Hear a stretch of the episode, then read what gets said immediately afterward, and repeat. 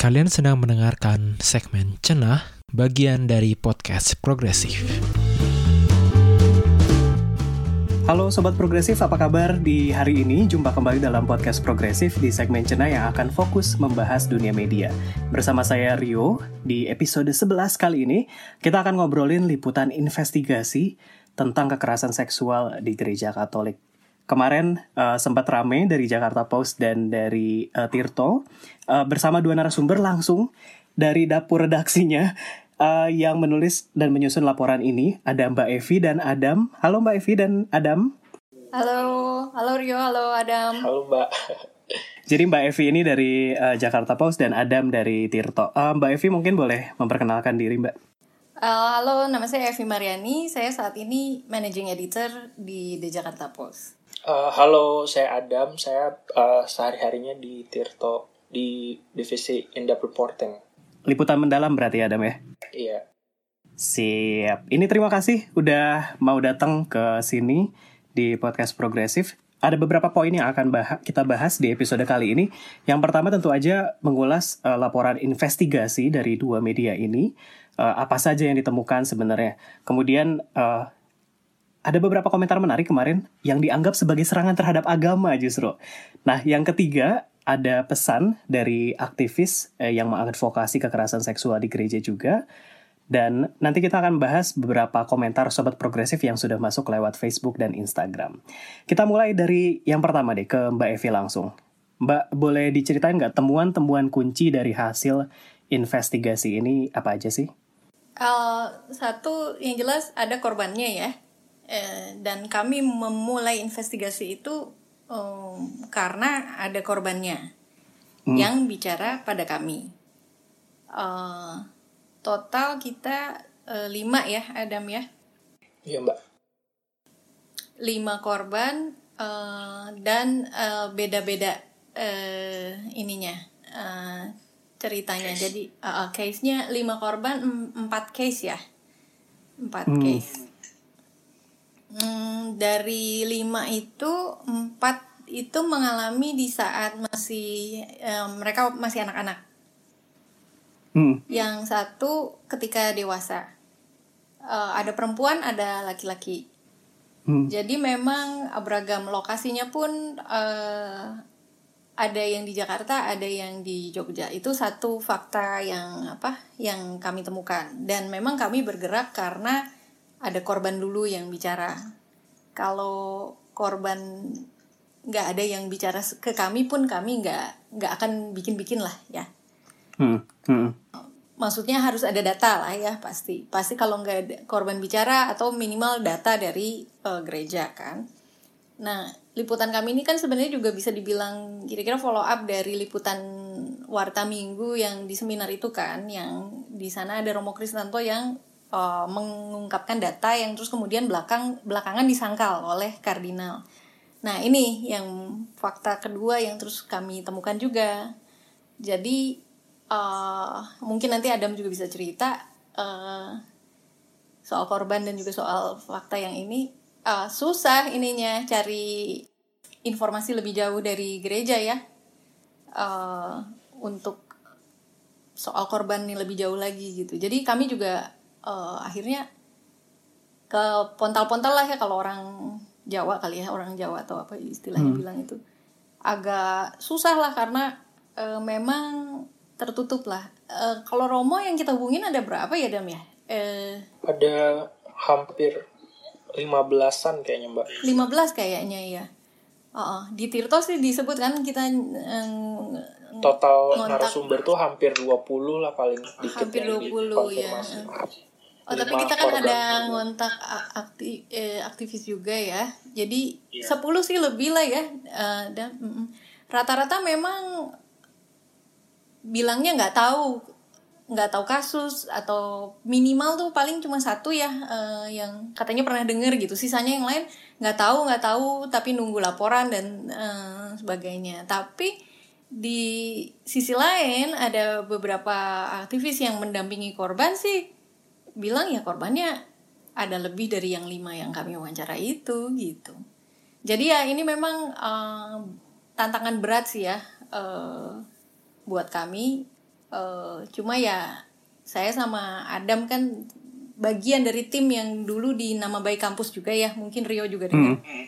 Hmm. Uh, memang sih mirip-mirip ya uh, ketika bicara kekerasan seksual berhadapan dengan institusi uh, reaksi pertama institusi itu memang uh, menyangkal dulu sih biasanya hmm. baru ketika kami sodorkan ada korban nih gitu baru mulai mereka apa sedikit terbuka gitu. Hmm. Adam, uh, mungkin boleh cerita Adam ketika kamu menelusuri ya mengontak-kontak 20-an narasumber itu seperti apa sih dan kalau Tirto kan menggunakan istilah tembok gereja Katolik gitu kan. Iya, sebenarnya kita kayak yang dibilang Mbak Evi tadi ya, ketemu korban dulu, uh, dapat cerita dari mereka, uh, uh, dan beneran beragam sih ceritanya. Jadi dari lima itu uh, tiga orang Romo, dua Romo yang melakukannya waktu masih di sekolah. Jadi kejadiannya juga udah 20 tahunan yang lalu, which is uh, hmm. harus beneran lebih detail lagi kan untuk proses klarifikasi dan verifikasinya. Terus ada juga yang kejadiannya juga udah 12 tahun yang lalu, tapi ini uh, bukan di sekolah, ini uh, sesama umurannya hampir sebaya. Uh, yang satu ini tapi dikonfirmasi sama si Romo kepala yang sekarang ada di gereja tempat kejadian 12 tahun lalu itu gitu. Jadi ada hmm. beberapa detail yang memang harus beneran di di di di, di apa ya? Kita selain dicatat kita harus akhirnya harus ketemu beberapa orang untuk klarifikasi kasus per kasusnya kan. Yang agak susah tuh emang yang di sekolah yang 20 tahun itu karena Romo yang jadi kepala di uh, gereja itu kan udah ganti beberapa kali. Nah, uh, bahkan ada di uh, beberapa case tuh yang udah meninggal romonya gitu. Ada yang pindah ke Vatikan, ada yang udah nggak di Jakarta lagi. Tapi kita sem uh, catat semua namanya dan coba konfirmasi ke setiap nama yang disebut sama uh, penyintas. Mungkin tembok tebalnya itu sih, karena ada bahkan ketika ada satu romo yang bilang dia kenal dengan romo pelaku, uh, di saat bersamaan dia tuh juga kasih statement bahwa uh, dia memang tidak menggali informasi tentang kasus-kasus seperti itu lebih dalam gitu. Sama kayak waktu Kardinal Soeharyo di Natal tahun lalu meng, apa ya membantah uh, laporan yang sebenarnya dikeluarin sama anggota KWI sendiri kan gitu. Hmm, hmm. Jadi bisa kebayang hmm. deh sebenarnya Epi bilang sih sebenarnya apa yang kita dapat baru mungkin agak di apa ya hebohin gitu di di, di dalam gereja sendiri baru di itu pun juga nggak semuanya diakuin gitu mungkin itu maksud tembok tebal. Ada mungkin bisa cerita tuh korban kayak apa gitu ininya sedih-sedihnya. Iya sih uh, kan dari yang kita uh, yang kita dapat tuh lima korban ya. Tiga orang cewek uh, dua orang cowok. Uh, korban yang cewek ini kebetulan tiga-tiganya lumayan religius ya mbak. Uh, maksudnya dekat banget sama sama gereja gitu. Kekecewaan mereka tuh kelihatan sih uh, kalau yang dua cowok ini mungkin problemnya adalah karena cowok dan budaya kita sangat patriarkis itu lebih sulit ternyata untuk untuk apa ya embrace bahwa kita adalah victims of uh, sexual assault gitu. Uh, dan itu dampaknya beneran ber, bertahun-tahun yang di yang di Yogyakarta. Itu kan kejadiannya waktu dia masih jadi murid seminaris kan. Uh, dan dilakukan oleh brudernya sendiri itu dia juga sama sih sebenarnya kayak korban kekerasan seksual lainnya. Uh, masih meraba-raba uh, kenapa kenapa saya yang dipilih sebagai korban? Uh, terus kayak uh, kenapa saya yang harus menerima ini? Hal-hal kayak gitu yang jadi akhirnya trauma bertahun-tahun yang bikin uh, salah satunya tuh jadi nggak percaya sama sama sama gereja lagi. Akhirnya keluar nggak jadi nggak jadi melanjutkan studi seminarisnya itu kalau yang satu lagi yang satu lagi cukup sangat percaya sih yang yang di Depok itu yang VOI juga sempat liput kan Nah dia yeah. tuh lebih lebih lebih percaya sama gereja sih. Dia masih percaya bahwa gereja akan me, apa ya menangani kasus-kasus seperti ini tuh dan dan berpihak pada korban. Tapi ya ya gimana ya kadang-kadang kan nggak ini tuh topik yang nggak nggak kita bahas sehari-hari kan sebenarnya. Jadi masih banyak yang beneran nggak tahu bahwa ini tuh misalnya nggak KUHP kita misalnya nggak nggak cukup rigid dalam penanganan kasus kekerasan seksual. Banyak korban perkosaan yang akhirnya kasusnya ditutup dan eh, nggak uh, dilanjutkan sampai pelaku dihukum gitu-gitu. Tuh kan sebenarnya realitas hmm, yang hmm. kurang banget dibahas sehari-hari. Nah korban-korban ini tuh kayak gitu apalagi ketika laporan ini tuh naik pada worry kan walaupun pakai nama samaran sebenarnya semuanya tapi dan kita berusaha banget untuk uh, kasih info setipis mungkin buat mengarah ke mereka uh, tapi mereka tetap sangat worry karena institusi yang mereka tuh lebih takut ke institusinya gitu karena hmm, stigma betul. korban tuh lebih gede daripada orang-orang pada penasaran siapa nih korbannya daripada untuk menangani pelakunya gitu. Mm -mm. Karena hmm, saya hmm. pikir masyarakat sekarang harus lebih banyak dengerin korban daripada dengerin pelaku ya. Uh, yeah. Karena biasanya pelaku uh, temennya banyak, jaringannya luas gitu. Biasanya kan ada relasi kuasa, hampir selalu ada relasi kuasa. Kemarin kan di Twitter sempat rame ya, uh, ada yang bilang menuding cari sensasi lah, terus ada yang bilang uh, ditunggu nih uh, apa kasus-kasus di agama-agama lainnya gitu. Uh, kalau menurut Mbak Evi sama Adam gimana nih? Uh, saya sebenarnya udah antisipasi terus terang aja nggak uh, kaget juga uh, itu sebabnya di dalam tim yang untuk yang Jakarta Post itu kami uh, minta senior editor kami yang beragama uh, Katolik untuk uh, ikut dan ini ya membaca akhir gitu dan dia hmm. ikut wawancara juga untuk satu wawancara dan dia baca kayak quality control lah gitu ya dan hmm. juga kan hierarki dan uh, tingkat kerumitan um, institusi gereja Katolik itu kan rumit ya jadi sempet tuh ada di awal Ingat gak Dam? Iya kita belajar Duduk ya. bareng terus pakai flip chart tuh. Diajarin tuh. Pakai flip chart. Jadi ini loh gitu Hierarkinya tuh di sini Vatikan di sini Ini ada ordo Ordo itu ada apa? Kita bahkan pelajarin ordo-ordonya Oh gitu iya, ya? uh, Saya kan sebenarnya Katolik ya I grew up Catholic. Sam Saya hmm. dari TK sampai SMA tuh sekolah Katolik sebenarnya. Tapi Begitupun masih ada hal-hal yang Banyak hal yang saya nggak tahu gitu Istilah jargon-jargonnya gitu jadi kita pelajari dulu tuh supaya paham betul ininya ya. Ketika wawancara juga korbannya juga kan banyak ngomong pakai istilah-istilah yang kalau nggak familiar tuh kita bisa uh, kesasar juga tuh gitu. Mm, uh, jadi itu ya kami uh, salah satunya yaitu buat buat uh, semacam ya ini aman atau enggak gitu ya. Ya sama juga jangan sampai ada tuduhan begitu juga gitu. Karena uh, apa Uh, jangan di jangan sampai ada tuduhan ini cuma orang-orang uh, eh, non Katolik yang menyerang ini gitu ya. Ya tapi sebenarnya gini ya uh, kalaupun nggak ada yang Katolik di situ ya kan korban yang bicara Katolik semua itu. Mm. uh, apakah mereka apakah mau bilang misalnya mereka bicara membuka itu karena ingin menyerang gereja? Nggak ada loh korban yang begitu. Semua tuh masih Katolik setahu saya dan semua motivasinya itu ingin memperbaiki gereja. Dan juga kebetulan kan paus yang sekarang itu sangat progresif ya. Nah, Betul. paus yang minta ada protokol. Jadi harus ada protokol safeguarding minors and vulnerable adults. Dan harusnya Juni kemarin itu semua keuskupan dan tarekat itu yang kayak Serikat Yesus, Karmel, itu loh kalau ordo-ordo itu. Itu setiap ordo dan setiap keuskupan di seluruh dunia itu harus punya protokol itu.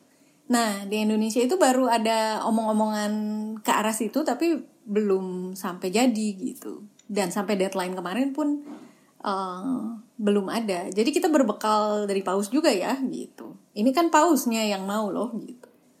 Jadi ya bukan serangan lah jelas gitu. Pausnya aja minta kok gitu dan lebih terbuka. Dan memang titik berangkatnya dari korban ya Mbak ya? Satu berangkat dari korban kedua ya kita dukung paus lah gitu. Apa kita lihat dia bagus kan? Kan basically sebenarnya kasus kekerasan seksual tuh terjadi di mana aja ya. Hmm. yang sebenarnya mau kita angkat tuh beneran bukan agamanya tapi bahwa ini ada kasus kekerasan seksual juga di kalangan uh, kali ini nah institusinya mungkin gereja Katolik gitu. Tapi berangkat dari yang Kemba Evi bilang uh, bahwa Paus sendiri juga ternyata meng apa yang namanya menyoroti gitu menyoroti kasus-kasus ini dan ingin ini dibuka sebag dengan perspektif yang sebaik-baiknya gitu laporan kami tuh berusaha untuk angkat itu sebenarnya. Hmm. Ini um, Mbak Evi sama Adam, ini saya ada beberapa komentar dari teman-teman yang saya kumpulin dari Facebook dan uh, Instagram. Saya bacain ya, uh, terutama terkait ini, um, karena ini institusi keagamaan kan. Ada dari Mbak Dani, ini dia bilang, uh, mengapa setiap penganut agama merasa perlu menjaga kesucian agamanya hingga menutup mata pada kekerasan yang terjadi di dalam. Uh, tidak hanya di agama Katolik, di Islam pun masif terjadi kekerasan seperti di Bantaeng kota kecil tempat saya tinggal. Uh, terjadi pemerkosaan anak santri oleh gurunya di pesantren, tapi hal tersebut ditutupi dan akhirnya kembali terulang. Kemudian ada Wulan di sini bilang, uh, menurutku karena ada anggapan bahwa pemimpin agama itu sempurna dan suci sehingga tidak mungkin berbuat kesalahan. Padahal kan mereka juga manusia yang bisa bikin kesalahan, or worse, berbuat tindak kejahatan. Ada Ibnu juga yang bilang, uh, ujung-ujungnya laporan seperti ini akan dicap sebagai hate speech ke agama tertentu, padahal yang disorotkan perilaku si pemuka agama tersebut. Uh, jadi gini ada satu yang mau saya tambahin yang saya pikir cukup penting dan uh, harus diakui khas spesifik gereja Katolik. Betul kata Adam hmm. tadi di mana-mana pasti ada kan. Uh, dan teman-teman yang komentar juga sudah bilang kan bahkan ada contoh kasus gitu uh, iyalah kami juga pernah kok nulis yang di pesantren misalnya yang di Jombang ya uh, hmm. waktu nama baik kampus pun ada Universitas Islam ya uh, ada uh, di Malang di ya di Malang misalnya. Uh, itu iya jelas ada.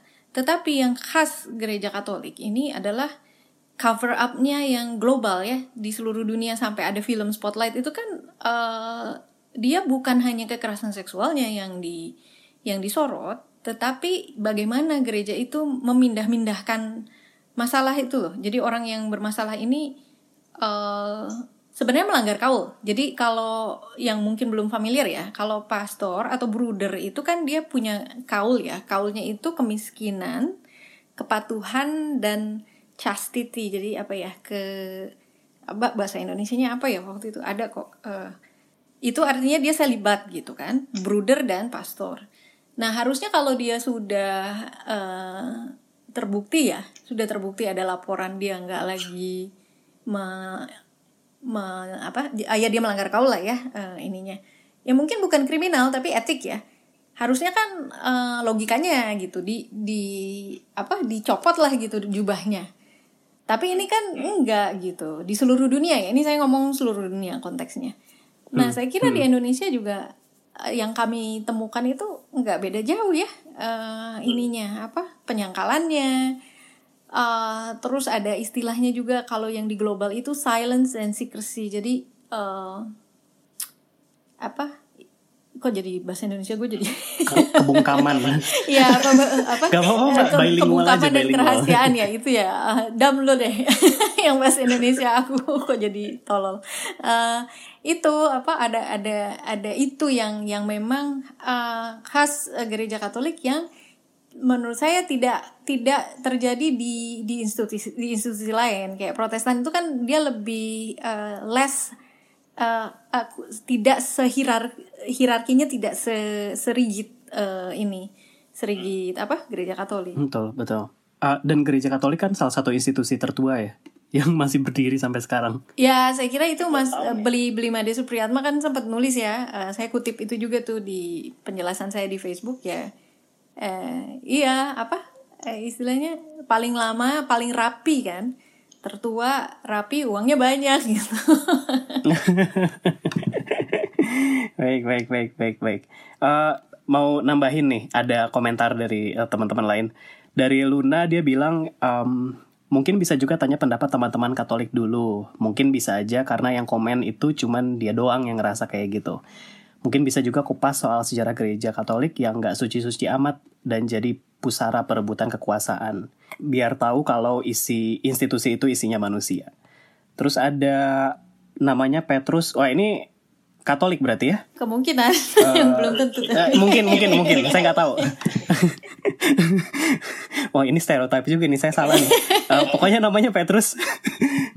uh, dia bilang kalau bila dia memahami maka segala bentuk kejahatan di institusi agama oleh pemuka agama dan atas nama agama itu sama dengan kejahatan pada umumnya. Tidak layak dilindungi apalagi ditutup-tutupi. Kekerasan seksual itu ada di mana saja termasuk institusi gereja. Terus ada Kezia, dia bilang agama atau identitas itu menjadi hal yang paling mendasar dan paling sulit diganggu-gugat oleh seorang manusia, at least di Indonesia. Maka dari itu, orang cenderung sensitif jika identitasnya diserang. Gimana, Dam? Kayaknya pada kritis sih gitu ya sama gereja Katolik. Uh, mungkin is... ini karena follower sobat progresif ya, jadi Iya, jadi emang komentarnya juga udah progresif ya. ya kayak yang komen-komen itu sih mungkin yang perlu digarisbawahi bahwa organisasi segede dan setua gereja Katolik bukan berarti selalu bersih kan atas segala hal. Mungkin kali ini yang kita coba soroti adalah kasus-kasus kekerasan seksual yang yang emang juga sek, eh, topik yang jarang dikupas kan. Maksudnya berita-berita tentang kekerasan seksual itu sebenarnya dari dulu ada mungkin. Kayak 2017 itu Uskup Ruteng itu dipindah dan di mutasi ke Bandung itu masuk New York Times gitu uh, gelar uskupnya nggak nggak dicopot itu karena kasus oh, skandal korupsi dan dituding sama umat uh, punya kekasih gelap gitu bahasanya. Jadi sebenarnya kasus-kasusnya itu ada selalu ada bahkan dan di mana mana gitu di daerah Indonesia ini bukan cuman di Jakarta aja. Kayak uh, yang kita tulis juga karena di Depok ada di Jakarta ada di Yogyakarta. Uh, mungkin pembahas cara pembahasannya mungkin yang harus kita bener benerin lagi gitu uh, gimana gak cuman ketika kasusnya muncul ini cuman jadi apa ya heboh sebentar doang gitu nggak ada solusi ataupun penyelesaian yang benar-benar uh, fokus yang akhirnya bikin yang paling penting kan sebenarnya di sini adalah kepentingan korban ya uh, hmm. Hmm. Uh, karena kebanyakan mereka tetap menjadi Katolik, pemeluk Katolik, mereka tetap uh, setia pada Katolik.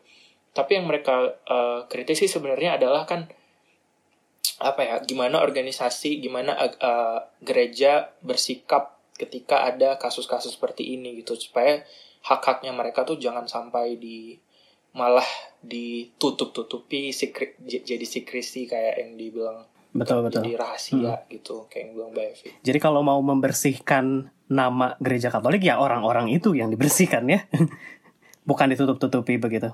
Nama gereja Katolik mungkin nggak nggak kotor gitu, tapi mungkin ada orang-orang kotor yang bikin ya seenggaknya ada noda-noda lah di nama baik itu gitu.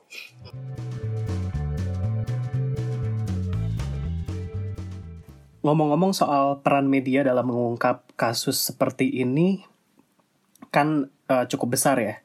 Uh, tadi sebelum merekam ini ada satu teman aktivis yang reach out, dia pengen ngasih pesan gitu boleh di play nggak nih buat Mbak Evi sama Adam? Halo, saya Yolanda. Uh, saya seorang aktivis perempuan yang juga saat ini uh, aktif um, mendorong pengungkapan kasus kekerasan seksual yang terjadi di dalam gereja Katolik.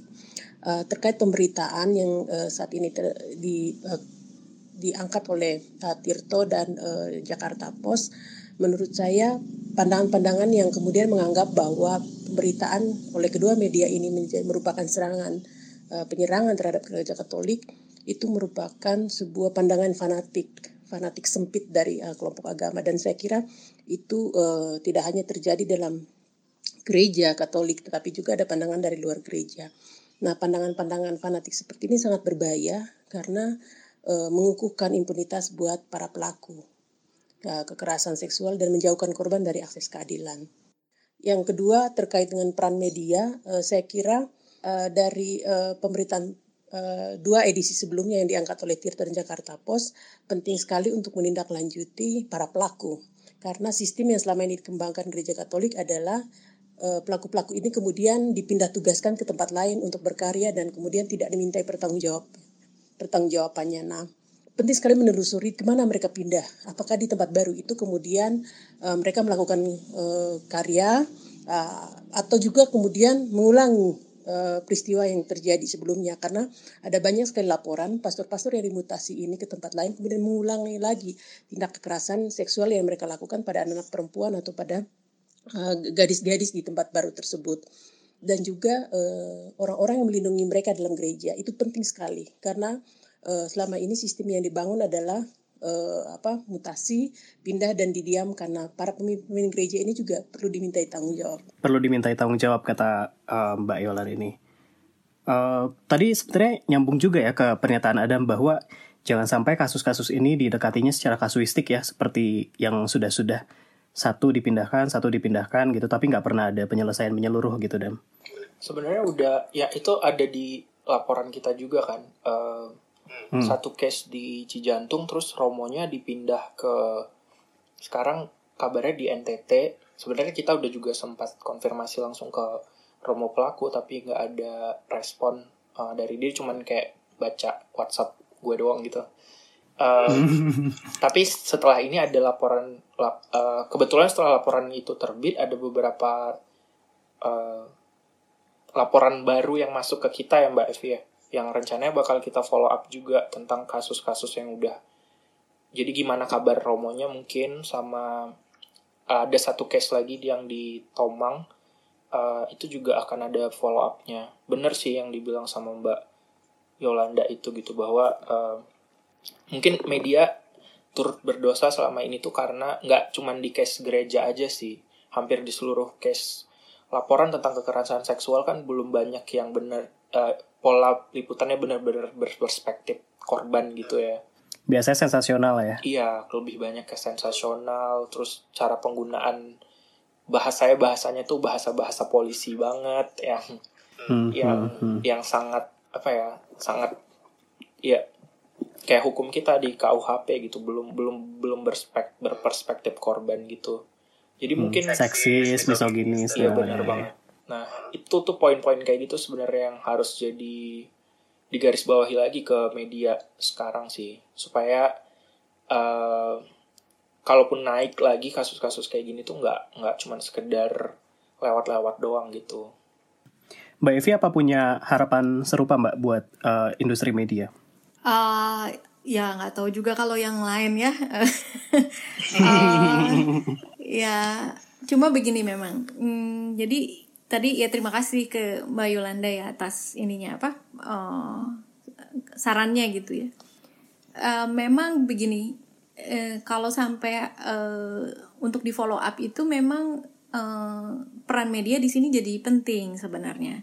Jadi kalau dari pengalaman kami uh, wawancara beberapa orang itu sebenarnya kalau yang namanya cerita kasakusu kayak tadi Mbak Yolanda juga bilang ya ada yang dipindahin terus abis dipindahin melakukan lagi gitu kan.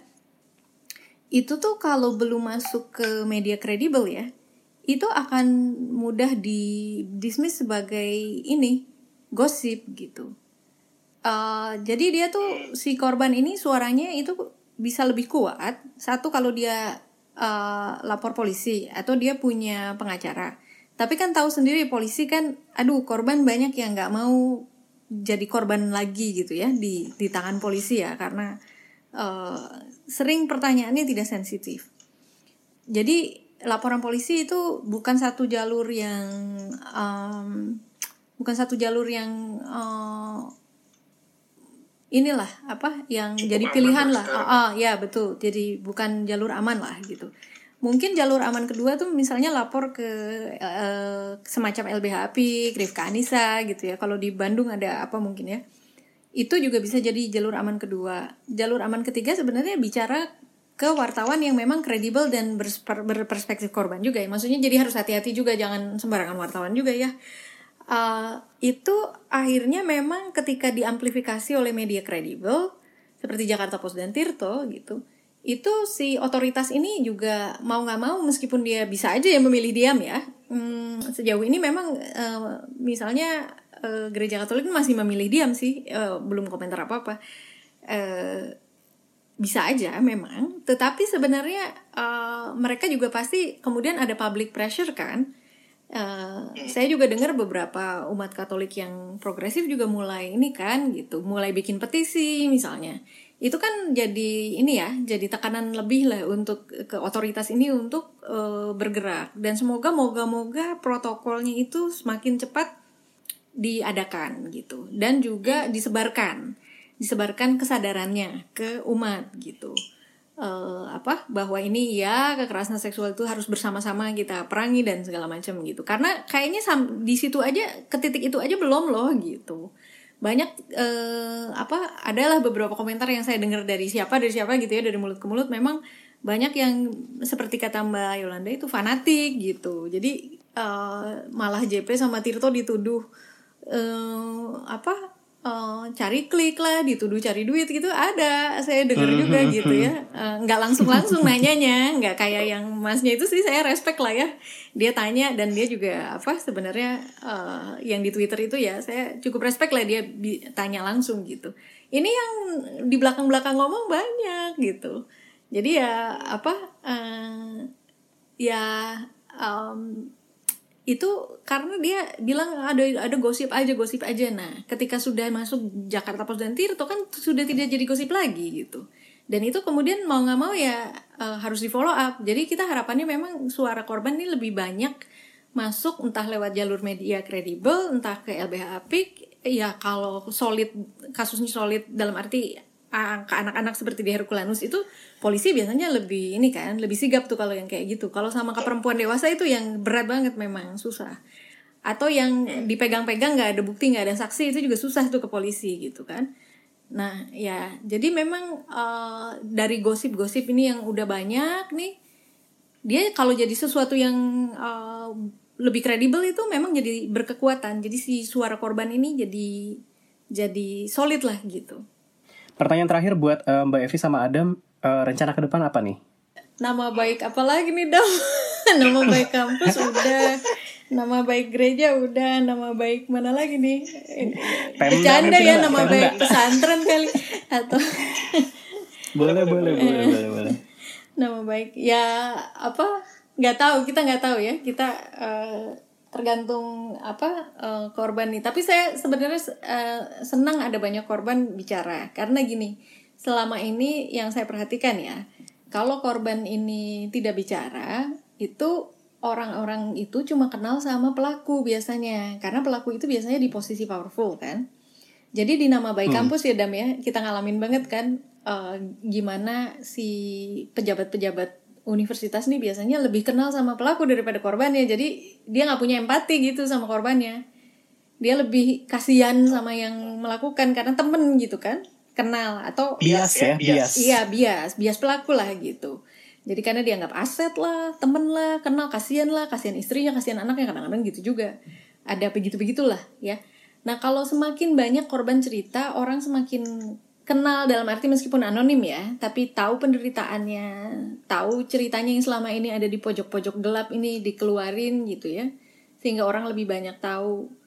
Itu harapan saya sih uh, orang jadi lebih uh, pro korban daripada hmm. bias pelaku gitu. Iya. Hmm.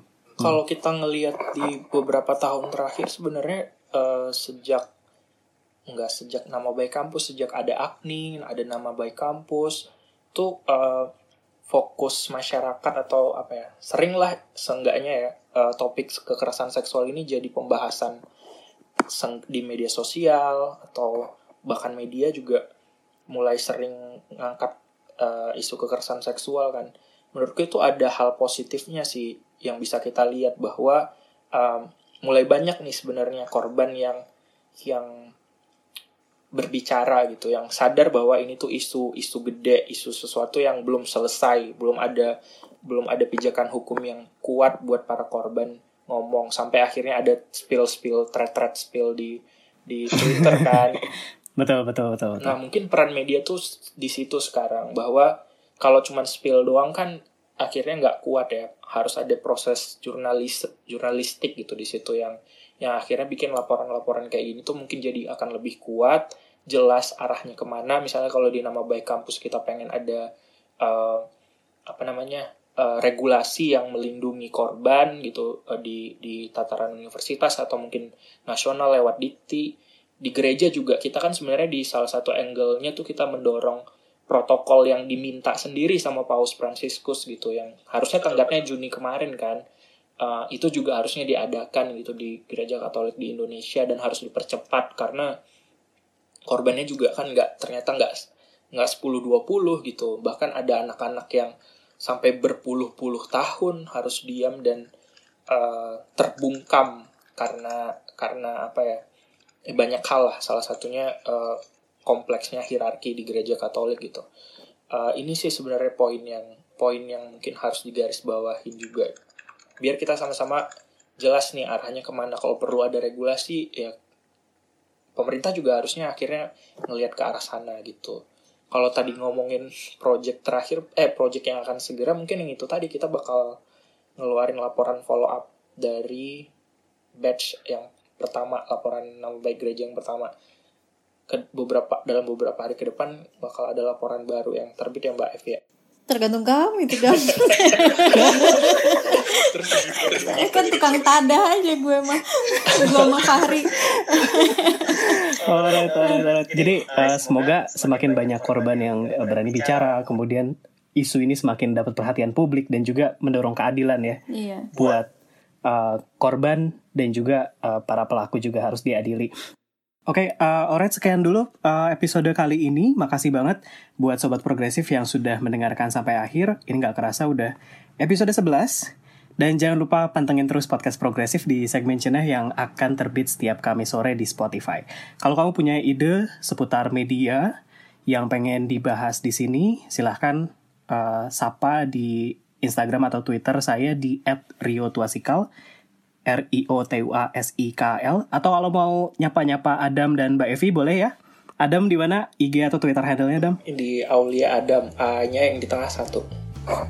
Mbak Evi? E V I M S O F I A N. F I M Sofian. Siap kalau gitu. Makasih sekali lagi Adam dan Mbak Evi dan thank you sobat progresif. See you next week. Bye bye.